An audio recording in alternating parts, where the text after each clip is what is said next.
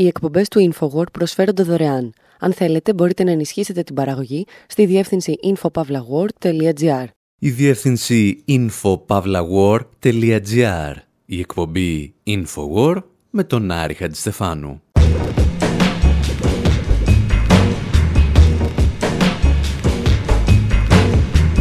όπου σήμερα παίζουμε παιχνίδια λογικής με φόντο την Ουκρανία και την Κούβα. Καθώς φέτος συμπληρώνονται 60 χρόνια από τη στιγμή που παραλίγο να τεινάξουμε τον πλανήτη στον αέρα, αναρωτιόμαστε εάν αυτό μπορεί να δικαιολογεί τις κινήσεις του Βλαντιμίρ Πούτιν. Και απαντάμε προκαταβολικά σε καμία περίπτωση. Παρακολουθούμε όμως και ένα πόλεμο προπαγάνδας και αντιπροπαγάνδας, τον οποίο οφείλουμε να κατανοήσουμε. Συζητάμε για επιχειρήματα τύπου Μαρφίν. Grim years of regimentation have done their work. Now he's a good Nazi, trampling on the rights of others. He sees no more than the party wants him to. He says nothing but what the party wants him to say. And he does nothing but what the party wants him to do.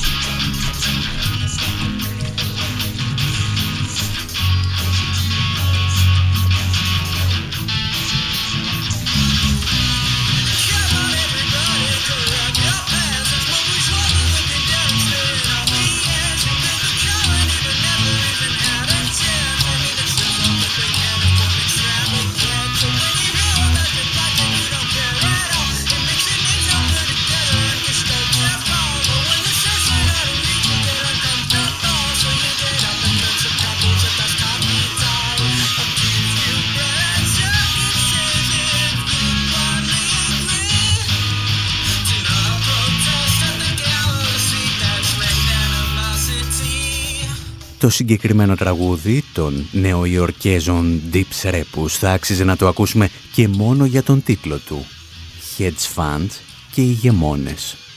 Ο χαμός όμως ξεκινά αμέσως μετά τον τίτλο.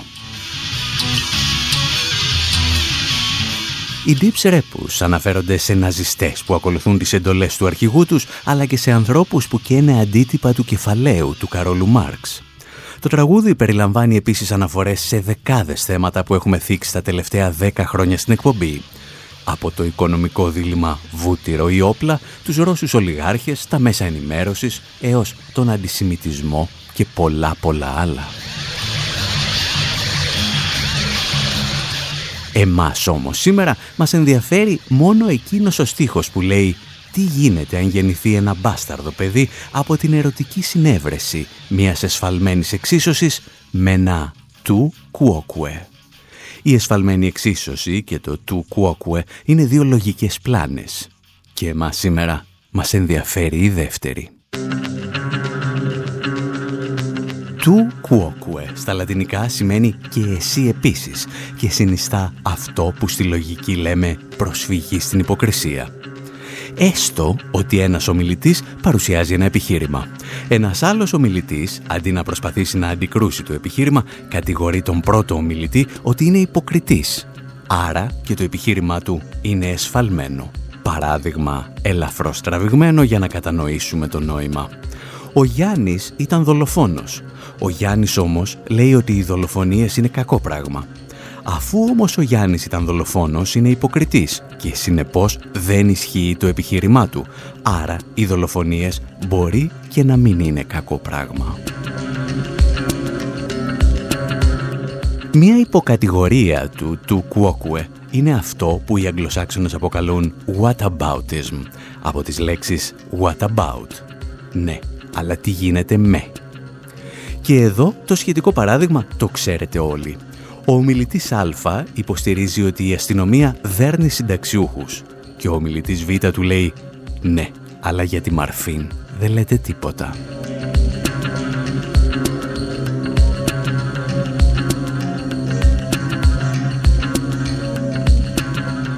Τις τελευταίες ημέρες οι κατηγορίες περί whataboutism πέφτουν σαν βροχή με αφορμή την εισβολή της Ρωσίας στην Ουκρανία. Και αρκετά μέσα ενημέρωσης, όπως το TRT, σκέφτηκαν να μας εξηγήσουν τι ακριβώς σημαίνει ο όρος. It's no secret that politicians and diplomats are masters of dodging questions and... Είναι γνωστό ότι οι πολιτικοί και οι διπλωμάτες έχουν εξαιρετική ικανότητα να αποφεύγουν ερωτήσεις και να παρεκτρέπουν τη συζήτηση. Μία από τις τεχνικές που χρησιμοποιούν έχει ονομαστεί whataboutism είναι μία από τις πιο αποτελεσματικές τεχνικές για να αποφεύγεις την ευθύνη σου για κάθε πράξη. Η τεχνική προποθέτει ότι απαντάς σε μία κατηγορία εξαπολύοντας μία άλλη κατηγορία. Αρκετοί ερευνητές στη Δύση υποστηρίζουν ότι είναι μια τεχνική προπαγάνδας στην οποία η κριτική αντιστρέφεται με στόχο να απαξιωθεί αυτός που την ασκεί.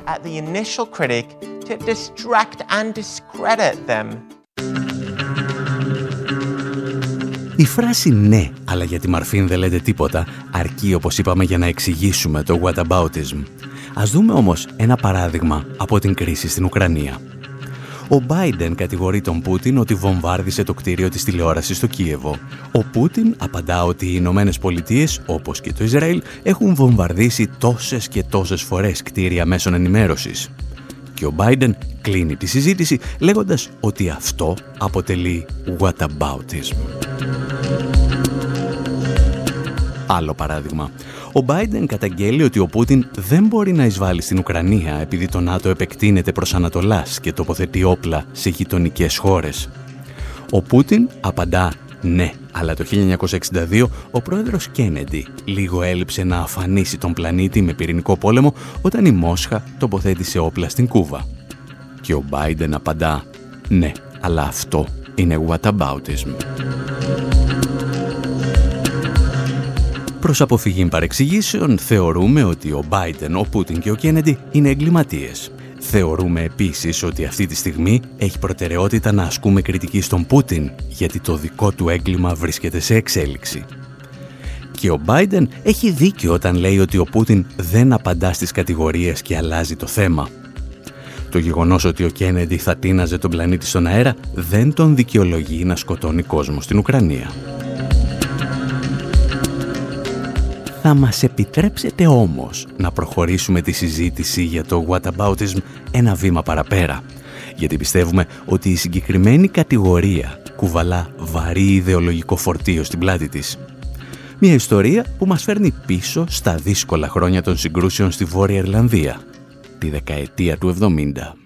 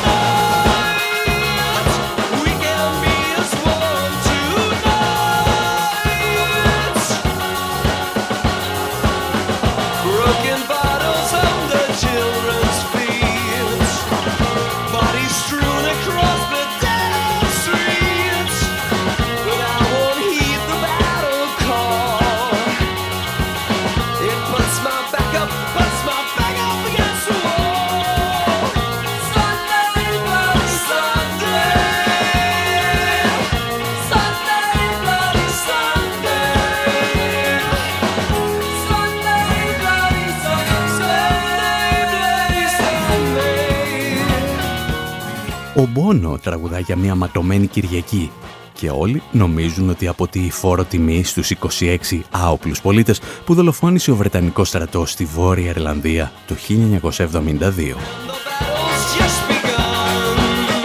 Στην πραγματικότητα βέβαια το τραγούδι γράφτηκε ακριβώς 10 χρόνια αργότερα για να εκφράσει τις ίσες αποστάσεις που προσπαθούσαν να κρατήσουν οι YouTube απέναντι στους κατακτητές και τους κατακτημένους της Βόρειας Ιρλανδίας. Στάση την οποία παρεπιπτόντος ο Μπόνο εξαργύρωσε περίλαμπρα αποτελώντας τον αγαπημένο κολαούζο των δυτικών ηγετών για τουλάχιστον 20 χρόνια. Το 1982 οι U2 βρέθηκαν στη Νέα Υόρκη όπου θα τραγουδούσαν για την περίφημη παρέλαση του Αγίου Πατρικίου. Επειδή όμως τον προηγούμενο χρόνο είχε πεθάνει ο απεργός πείνας του Ήρα Bobby Sands, καταλάβαιναν ότι η παρέλαση θα είχε έντονο πολιτικό χαρακτήρα. Γεγονός το οποίο θα μπορούσε να στιγματίσει το συγκρότημα. Γιατί ως γνωστόν, υποστηρίζοντας απεργούς πείνας, κανένας δεν πήγε μπροστά στην καριέρα του. Το τραγούδι λοιπόν γράφτηκε με αφορμή τη σύγκρουση που είχαν οι U2 με τους διοργανωτές της παρέλασης όταν τους ανακοίνωσαν ότι δεν θα λάβουν μέρος. Και ύστερα συνέβη και κάτι ακόμη, το οποίο παρεπιπτόντος είναι για τον οποίο ο λόγος που σας λέμε αυτή την ιστορία. Το 1983, όταν ρώτησαν τον τράμερ Λάρι Μούλεν αν το τραγούδι αφορούσε πράγματι τη σφαγή των καθολικών από το Βρετανικό στρατό, αυτός απάντησε όχι. Άνθρωποι, είπε, πεθαίνουν και στο Ελ Σαλβαδόρ, οπότε ας αφήσουμε την πολιτική και ας καθίσουμε σε ένα τραπέζι να συζητήσουμε. Και βέβαια, όταν σου λένε ότι οι Βρετανοί σκοτώνουν στην Ιρλανδία και εσύ λες «Ναι, αλλά άνθρωποι σκοτώνονται και στο Ελ Σαλβαδόρ», ίσως και να ασκείς μία μορφή whataboutism το θέμα για το οποίο συζητάμε σήμερα. Και για μια ηρωνία της τύχης, ο όρος whataboutism γεννήθηκε για τη Βόρεια Ιρλανδία.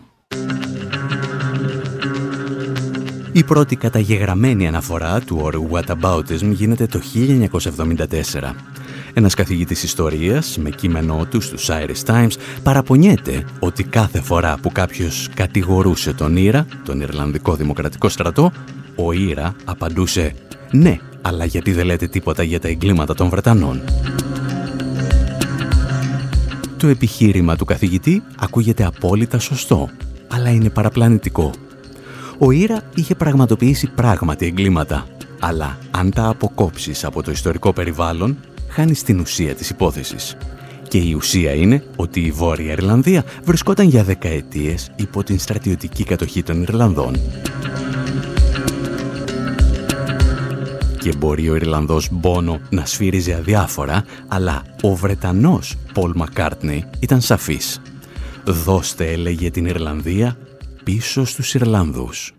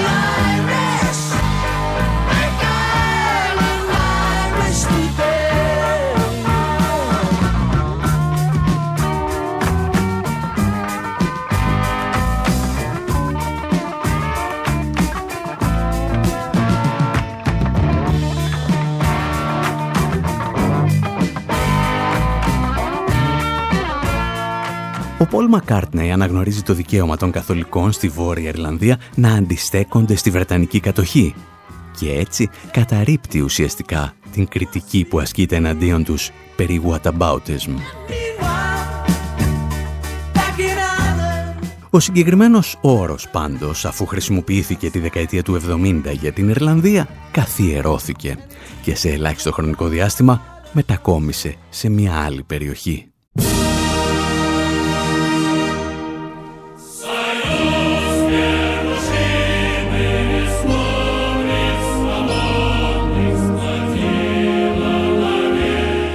Καθώς ο ψυχρός πόλεμος γνώριζε νέα κλιμάκωση προς το τέλος της δεκαετίας του 70 και τις αρχές της δεκαετίας του 80, ο όρος whataboutism άρχισε να γεμίζει τις σελίδες των δυτικών μέσων ενημέρωσης.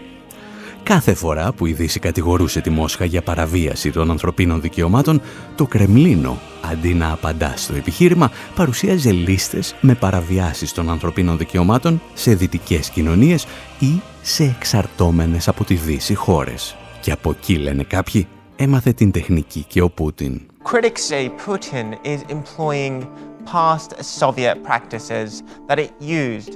Σύμφωνα με τους επικριτές του, ο Πούτιν χρησιμοποιεί παλιές σοβιετικές πρακτικές του ψυχρού πολέμου.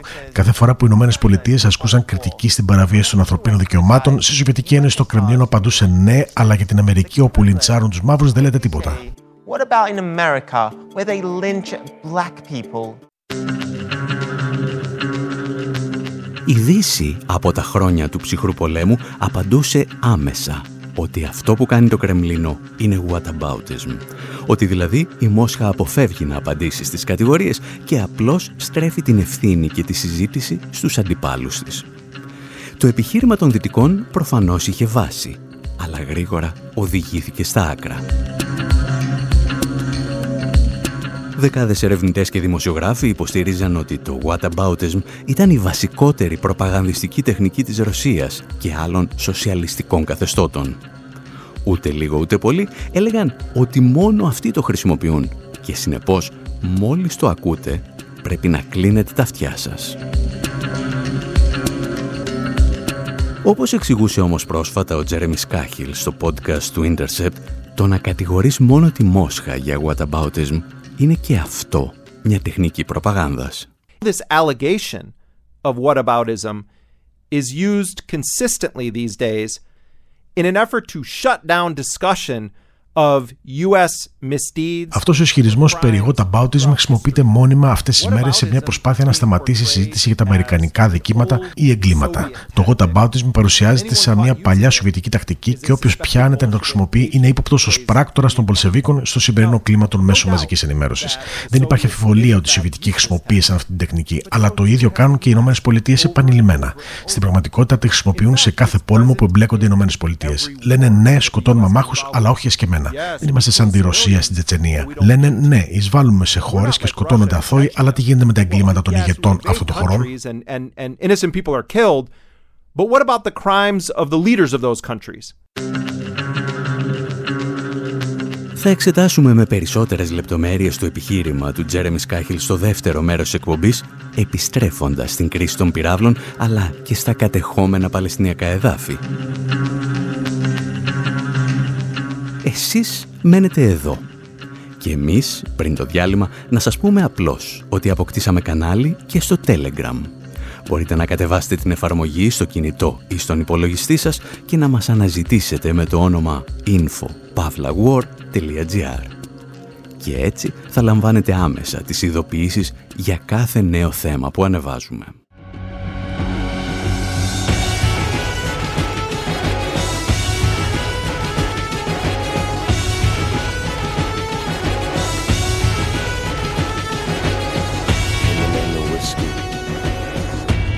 Song. You didn't look back. You didn't belong. In the name of reason. In the name of hope. In the name of religion. In the name of dope.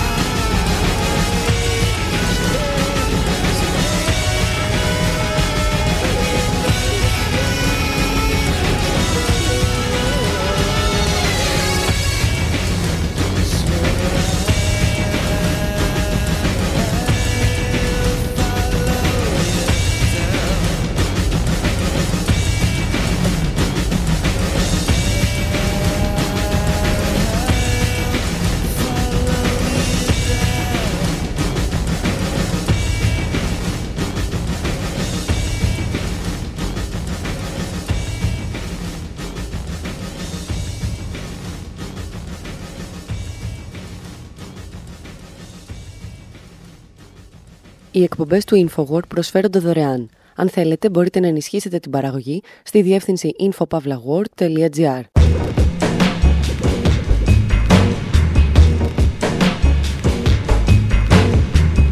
Εκπομπή InfoWord, μέρος δεύτερο όπου σήμερα συζητάμε για το περίφημο whataboutism, μια λέξη που γέμισε και πάλι τις εφημερίδες και τα μέσα κοινωνικής δικτύωσης με αφορμή την αιμοσταγή εισβολή του Πούτιν στην Ουκρανία. Παρακολουθήσαμε πώς η λέξη γεννήθηκε και μεγάλωσε με σαφές ιδεολογικό πρόσημο και πως για χρόνια χρησιμοποιούνταν από αμερικανικά μέσα ενημέρωσης εναντίον της Σοβιετικής Ένωσης.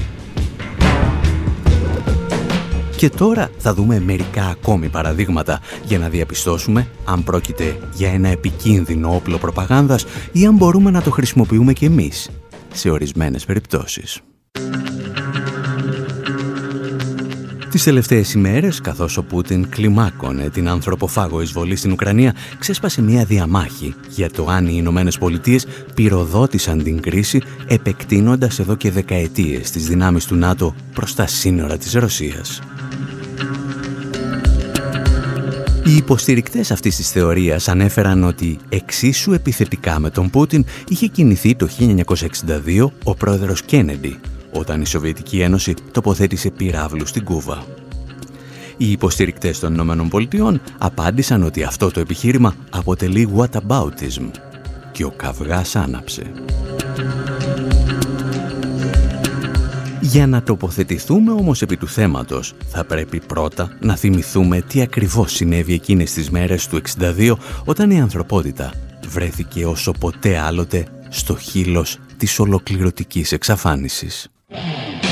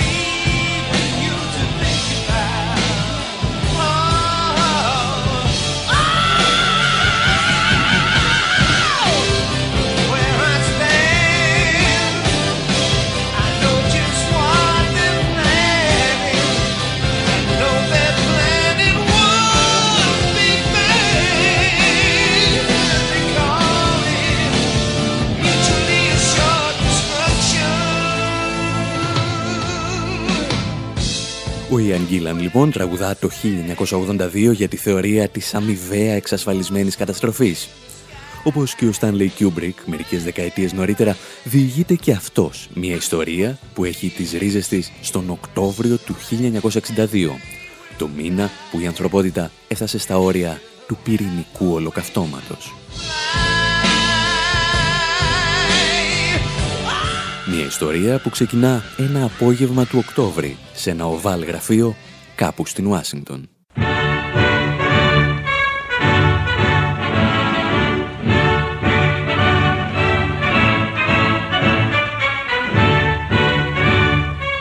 On October 22, Στις 22 Οκτωβρίου του 1962, ο πρόεδρος Τζον Κέννεντι μετέδωσε ένα ειδικό διάγγελμα προς το έθνος από το γραφείο του στο Λευκό Οίκο. Αυτός είναι ο πρόεδρος Κέννεντι, καθώς παρουσιάζει το μήνυμά του για τις πρόσφατες εξελίξεις στην Κούβα.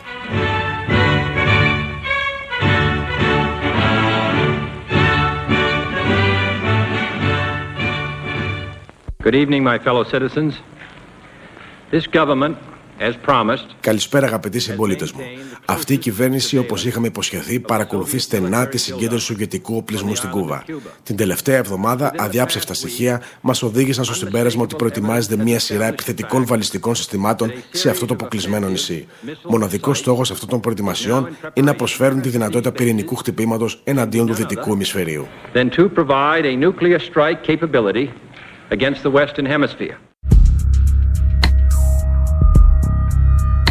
Ο Τζον Φιτζέραλντ Κέννεντι λέει την αλήθεια. Η Σοβιετική Ένωση έχει ήδη προχωρήσει στις εργασίες τοποθέτησης πυράβλων που μπορούν να πλήξουν με πυρηνικές κεφαλές τη Νέα Υόρκη και την Ουάσιγκτον. Όπως συμβαίνει όμως με τους περισσότερους Αμερικανούς πρόεδρους, ο Κέννεντι δεν λέει όλη την αλήθεια. Αρκετοί ιστορικοί υποστηρίζουν σήμερα ότι η κίνηση της Σοβιετικής Ένωσης δεν ήταν επιθετική, αλλά αμυντική ή για την ακρίβεια εξισορροπητική. Οι Ηνωμένες Πολιτείες είχαν προλάβει να τοποθετήσουν πρώτες πυρηνικά όπλα στην Τουρκία αλλά και την Ιταλία. Όπλα με τα οποία θα μπορούσαν να πετύχουν το πρώτο πλήγμα εναντίον της Σοβιετικής Ένωσης. Ο παραλογισμός της πυρηνικής στρατηγικής λοιπόν επέβαλε στη Μόσχα να απαντήσει με το ίδιο νόμισμα. Και ο Τζον Φιτζέραλντ Κέννεντι δεν ήταν ο μόνος που έλεγε μισές αλήθειες εκείνο τον Οκτώβρη του 1962. Λίγες εβδομάδες μετά την κρίση των πυραύλων, ο Bob Dylan υποστήριξε ότι εμπνεύστηκε από αυτήν το τραγούδι «A Hard Rain's Gonna Fall», ένα τραγούδι που έμεινε στην ιστορία σαν ο απόλυτος ύμνος του αντιπολεμικού κινήματος για τον κίνδυνο ενός πυρηνικού ολοκαυτώματος. Η ιστορία δεν πολύ συγκράτησε βέβαια ότι ο Bob Dylan ήταν ελαφρώς ψευτρώνη και είχε πρωτοπαρουσιάσει το τραγούδι ένα μήνα πριν από την κρίση των πυράβλων. Και εμείς, για να τον τιμωρήσουμε 50 χρόνια μετά, θα ακούσουμε τη ρέγγια εκτέλεση του τραγουδιού του από τον Jimmy Cliff. Μην ξεχνάτε, σήμερα γιορτάζουμε το ότι δεν γίναμε στάχτη πριν από 5 δεκαετίες.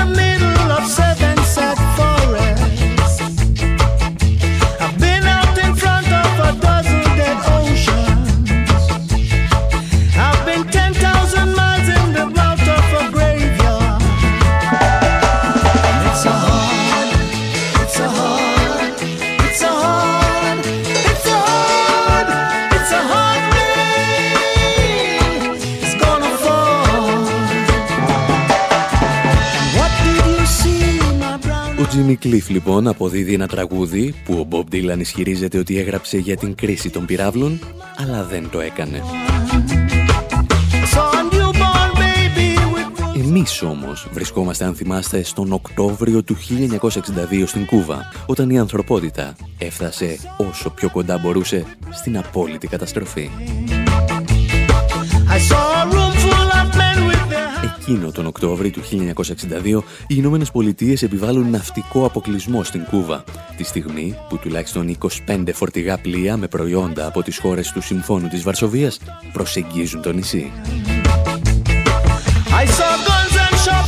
Τις ίδιες ημέρες η κουβανική αεράμινα καταρρύπτει ένα αμερικανικό κατασκοπευτικό αεροσκάφος. Ένα άλλο εντοπίζεται από τη σοβιετική αεράμινα στο μοναδικό σημείο που δεν έπρεπε να βρίσκεται, στη Γερσόνησο Τσουακότκα. Εκεί όπου οι Σοβιετικοί φιλούσαν τους στρατηγικούς διυπηρωτικούς τους πυράβλους. Κι όμως, ακόμη και τότε, οι πρωταγωνιστές του δράματος δεν είχαν καταλάβει τι ακριβώς είχε συμβεί. Έπρεπε να περάσουν 40 χρόνια έως τη στιγμή που οι βασικοί παίκτες αυτής της ρωσικής ρουλέτας θα συναντιούνταν για να ανταλλάξουν εμπειρίες και εκτιμήσεις. Και τότε, τον Οκτώβριο του 2002, συνειδητοποίησαν κάτι τρομακτικό. Μια ιστορία που διηγούνταν λίγο αργότερα ο Νόαμ Τσόμσκι.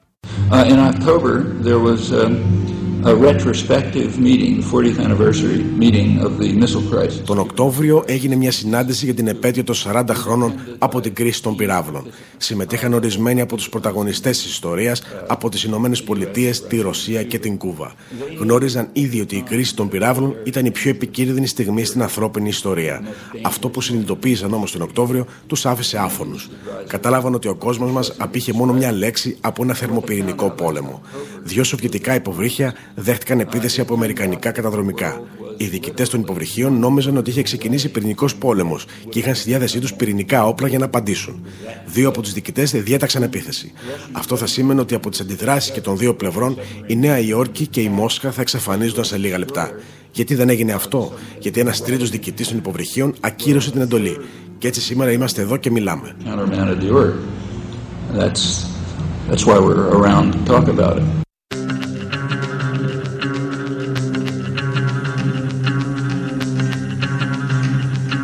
Κάπου εδώ όμως εμείς πρέπει να επανέλθουμε στη δική μας ιστορία.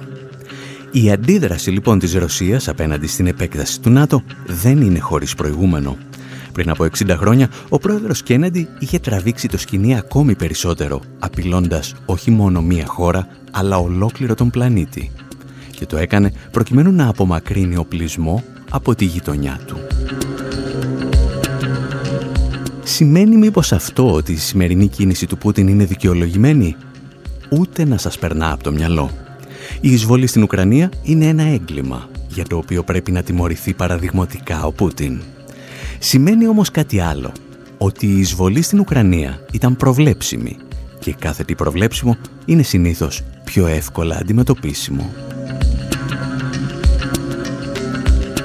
Εάν δεν χρησιμοποιούσαμε ένα επιχείρημα τύπου «what about», ότι δηλαδή ο Πούτιν αντέδρασε όπως και ο Κέννεντι, δεν θα μπορούσαμε να καταλάβουμε το ευρύτερο πλαίσιο και να σταθούμε απέναντι σε αυτό. Το γεγονός ότι ο Κέννεντι ήταν εξίσου επικίνδυνος με τον Πούτιν δεν δικαιώνει τον Πούτιν. Ο Κέννεντι, όπως και ο Πούτιν, στηρίχθηκε σε ολιγάρχες, δηλαδή στην Αμερικανική μαφία, για να ανέλθει στην εξουσία. Ο Κένεντι, όπως και ο Πούτιν, εισέβαλε σε γειτονικές χώρες και συγκεκριμένα στην Κούβα. Ο Κένεντι, όπως και ο Πούτιν, επιχείρησε να δηλητηριάσει πολιτικούς του αντιπάλους, όπως τον Φιντέλ Κάστρο. Αν λοιπόν μισούμε τον Κένεντι για τα εγκλήματά του, το ίδιο οφείλουμε να κάνουμε και για τον Πούτιν και το αντίστροφο.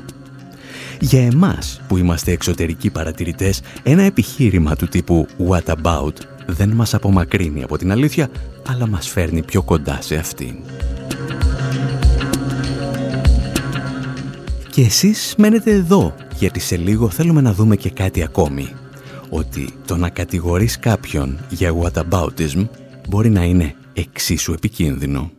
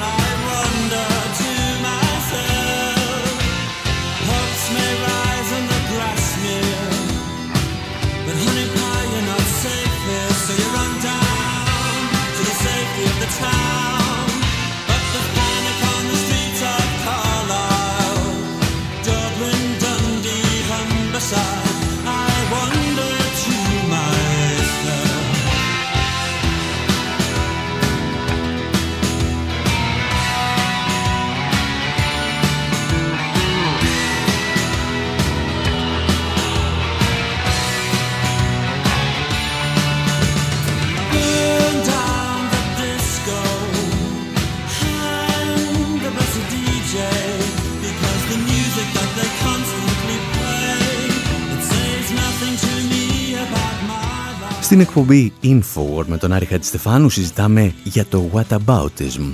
Αυτό που συμβαίνει όταν κάποιος σε κατηγορεί για κάτι και εσύ του απαντάς ότι είναι υποκριτής και ο ίδιος έχει κάνει τα ίδια και χειρότερα. Και τώρα χρησιμοποιούμε αυτές μας τις γνώσεις για να επανεξετάσουμε τον διάλογο των τελευταίων ημερών για τη ρωσική εισβολή στην Ουκρανία.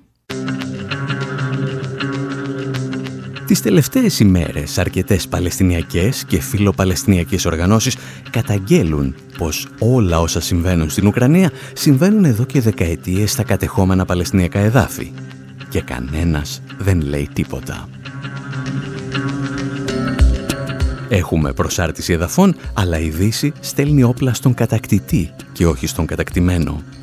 Έχουμε καταστροφή κατοικιών και βασικών υποδομών, αλλά τα μεγάλα οικονομικά πακέτα αρρωγής πηγαίνουν στο Ισραήλ και όχι στην Παλαιστίνη. Το να πραγματοποιείς μποϊκοτάζ Ισραηλινών προϊόντων και θεσμών θεωρείται ποινικά κολάσιμο. Και αν κάποιος αθλητής γράψει τη λέξη Παλαιστίνη στην πλούζα του, μπορεί να τιμωρηθεί με αποκλεισμό και βαριά χρηματικά πρόστιμα. Αν όμως γράψει τη λέξη Ουκρανία, όπως οφείλει να κάνει, θα τον αποθεώσουν όλοι. Όσοι όμως κάνουν αυτή τη σύγκριση, όσοι υπενθυμίζουν δηλαδή ότι το Ισραήλ δολοφονεί ατιμόρυτο, κατηγορούνται για whataboutism και λίγο ως πολύ παρουσιάζονται σαν μαριονέτες του Πούτιν. Γιατί, όπως εξηγήσαμε, η κατηγορία περί whataboutism έχει σχεδόν πάντα ιδεολογικό αλλά και γεωπολιτικό πρόσημο. Αυτή την κατηγορία την απευθύνουν οι δυτικοί σε όσους ζουν πιο ανατολικά και οι δεξιοί σε όσους βρίσκονται πιο αριστερά. Το πρόβλημα όμως, όπως μας θύμιζε πρόσφατα το δίκτυο TRT, είναι ότι το Ισραήλ είναι ο βασιλιάς του whataboutism. Αλλά κανένας δεν του το καταλογίζει. Israel has been utilizing the strategy for years. During its latest bombing campaign on Gaza, το Ισραήλ χρησιμοποιούσε για χρόνια τη συγκεκριμένη τεχνική. Κατά τη διάρκεια των τελευταίων βομβαρδισμών στη Γάζα, δικαιολόγησε τη δολοφονία τουλάχιστον 200 Παλαιστινίων, λέγοντας ότι και το Ισραήλ είχε απώλειες. Όταν του ασκούσαν κριτική για τη δυσανάλογη χρήση βίας, το Ισραήλ πάντα απαντούσε ναι, αλλά για τη Χαμάς δεν λέτε τίποτα. Hamas; So it seems that it's only the West's traditional adversaries like Russia Φαίνεται ότι η Δύση κατηγορεί μόνο τους παραδοσιακούς της συμμάχους, όπως τη Ρωσία και την Κίνα, για το γεγονός ότι χρησιμοποιούν την πρακτική του whataboutism. Ποτέ δεν κατηγορεί όμως τους δικούς της συμμάχους. Υπάρχουν λοιπόν δύο μέτρα και δύο σταθμά στο πώς χρησιμοποιείται ο συγκεκριμένος όρος.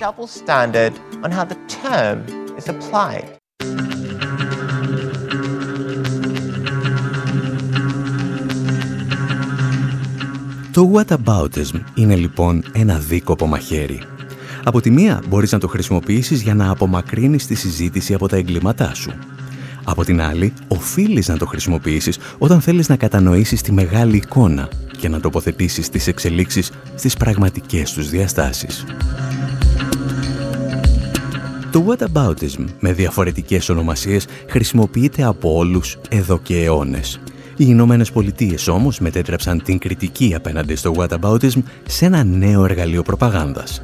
Με αυτό χτυπούν τους αντιπάλους τους και ταυτόχρονα συγκαλύπτουν τα δικά τους εγκλήματα.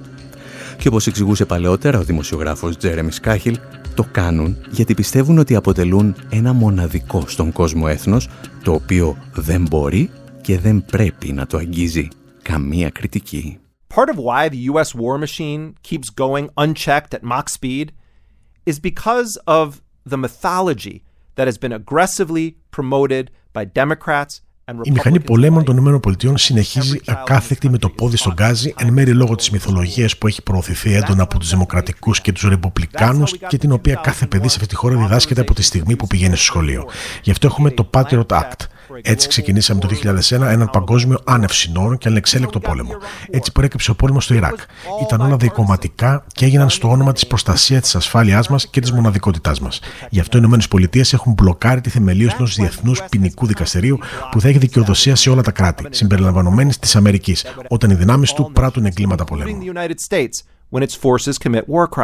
Yeah, I'm guilty of whataboutism because facts matter. Context matters. The truth matters. If we as a society Ναι, είμαι ένοχος για εγώ τα whataboutism, διότι τα γεγονότα έχουν σημασία. Η αλήθεια έχει σημασία. Αν ως κοινωνία ήμασταν ειλικρινείς για όσα συμβαίνουν στους πολέμους, για το ποιος σκοτώνεται, για το πόσο συχνά κάνουμε όλα αυτά για τα οποία κατηγορούμε άλλους ως τύρανου ή τρομοκράτες, τότε ο διάλογος θα άλλαζε. σω να μαθαίναμε από την ίδια μας την ιστορία. Οπότε ας πάψουμε αυτή τη βλακεία να γνωρούμε την ιστορία. Α κάνουμε μια ειλικρινή συζήτηση για τις πραγματικές πολιτικές και την αληθινή ιστορία αυτής της χώρας. Α συζητήσουμε για τους πολέμους, τις εκλογικές παρεμβάσεις, τον τρόπο με τον οποίο λειτουργεί η αμερικανική οικονομία, το σύστημα υγείας, τα σχολεία, τη στέγαση, τα όπλα και τις φυλακές μας. Από εδώ και πέρα, όταν κάποιος σας κατηγορεί για bautism, απλά φανταστείτε ότι αυτό που στην πραγματικότητα λέει είναι σκάσε, δεν θέλω να ακούσω στοιχεία που δεν με συμφέρουν. Και έπειτα αποφασίστε πώς θα απαντήσετε. Because that is what they're really saying. And then you decide how to respond. Εμείς πάλι κάπου εδώ λέμε να σας αφήσουμε. Μη μας χάσετε την επόμενη εβδομάδα γιατί θα σας παρουσιάσουμε το νέο μας ντοκιμαντέρ το οποίο θα κυκλοφορήσει στις αίθουσες από τις 24 Μαρτίου στην Αθήνα, τη Θεσσαλονίκη, την Πάτρα και όπου αλλού μας καλέσετε. Αν βιάζεστε, μπορείτε να μάθετε περισσότερα στη σελίδα μας infopavlawar.gr Μέχρι την επόμενη εβδομάδα, από τον Άρη Χατζηστεφάνου στο μικρόφωνο, τον Ανδρέα Κοσιάρη σε μεταφράσεις και τον Δημήτρη Σταθόπουλο στην τεχνική επιμέλεια, γεια σας και χαρά σας.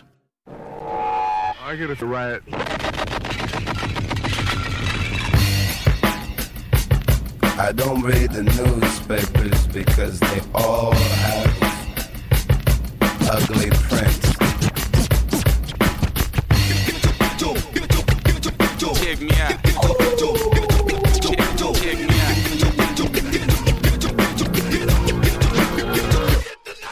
stop.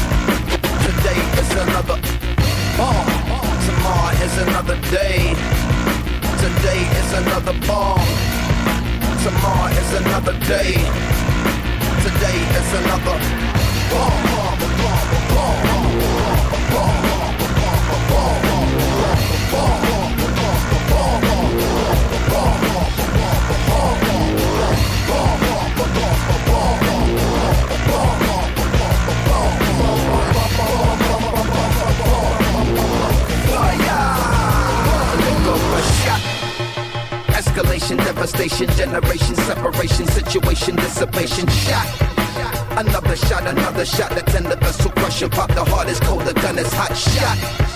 I'm not sure if they done or not. I'm not sure that they wanna stop. The gun is cold, the blood is hot. Shot, shot, shot, shot, shot, shot, shot. The hearts are weak, the guns are not.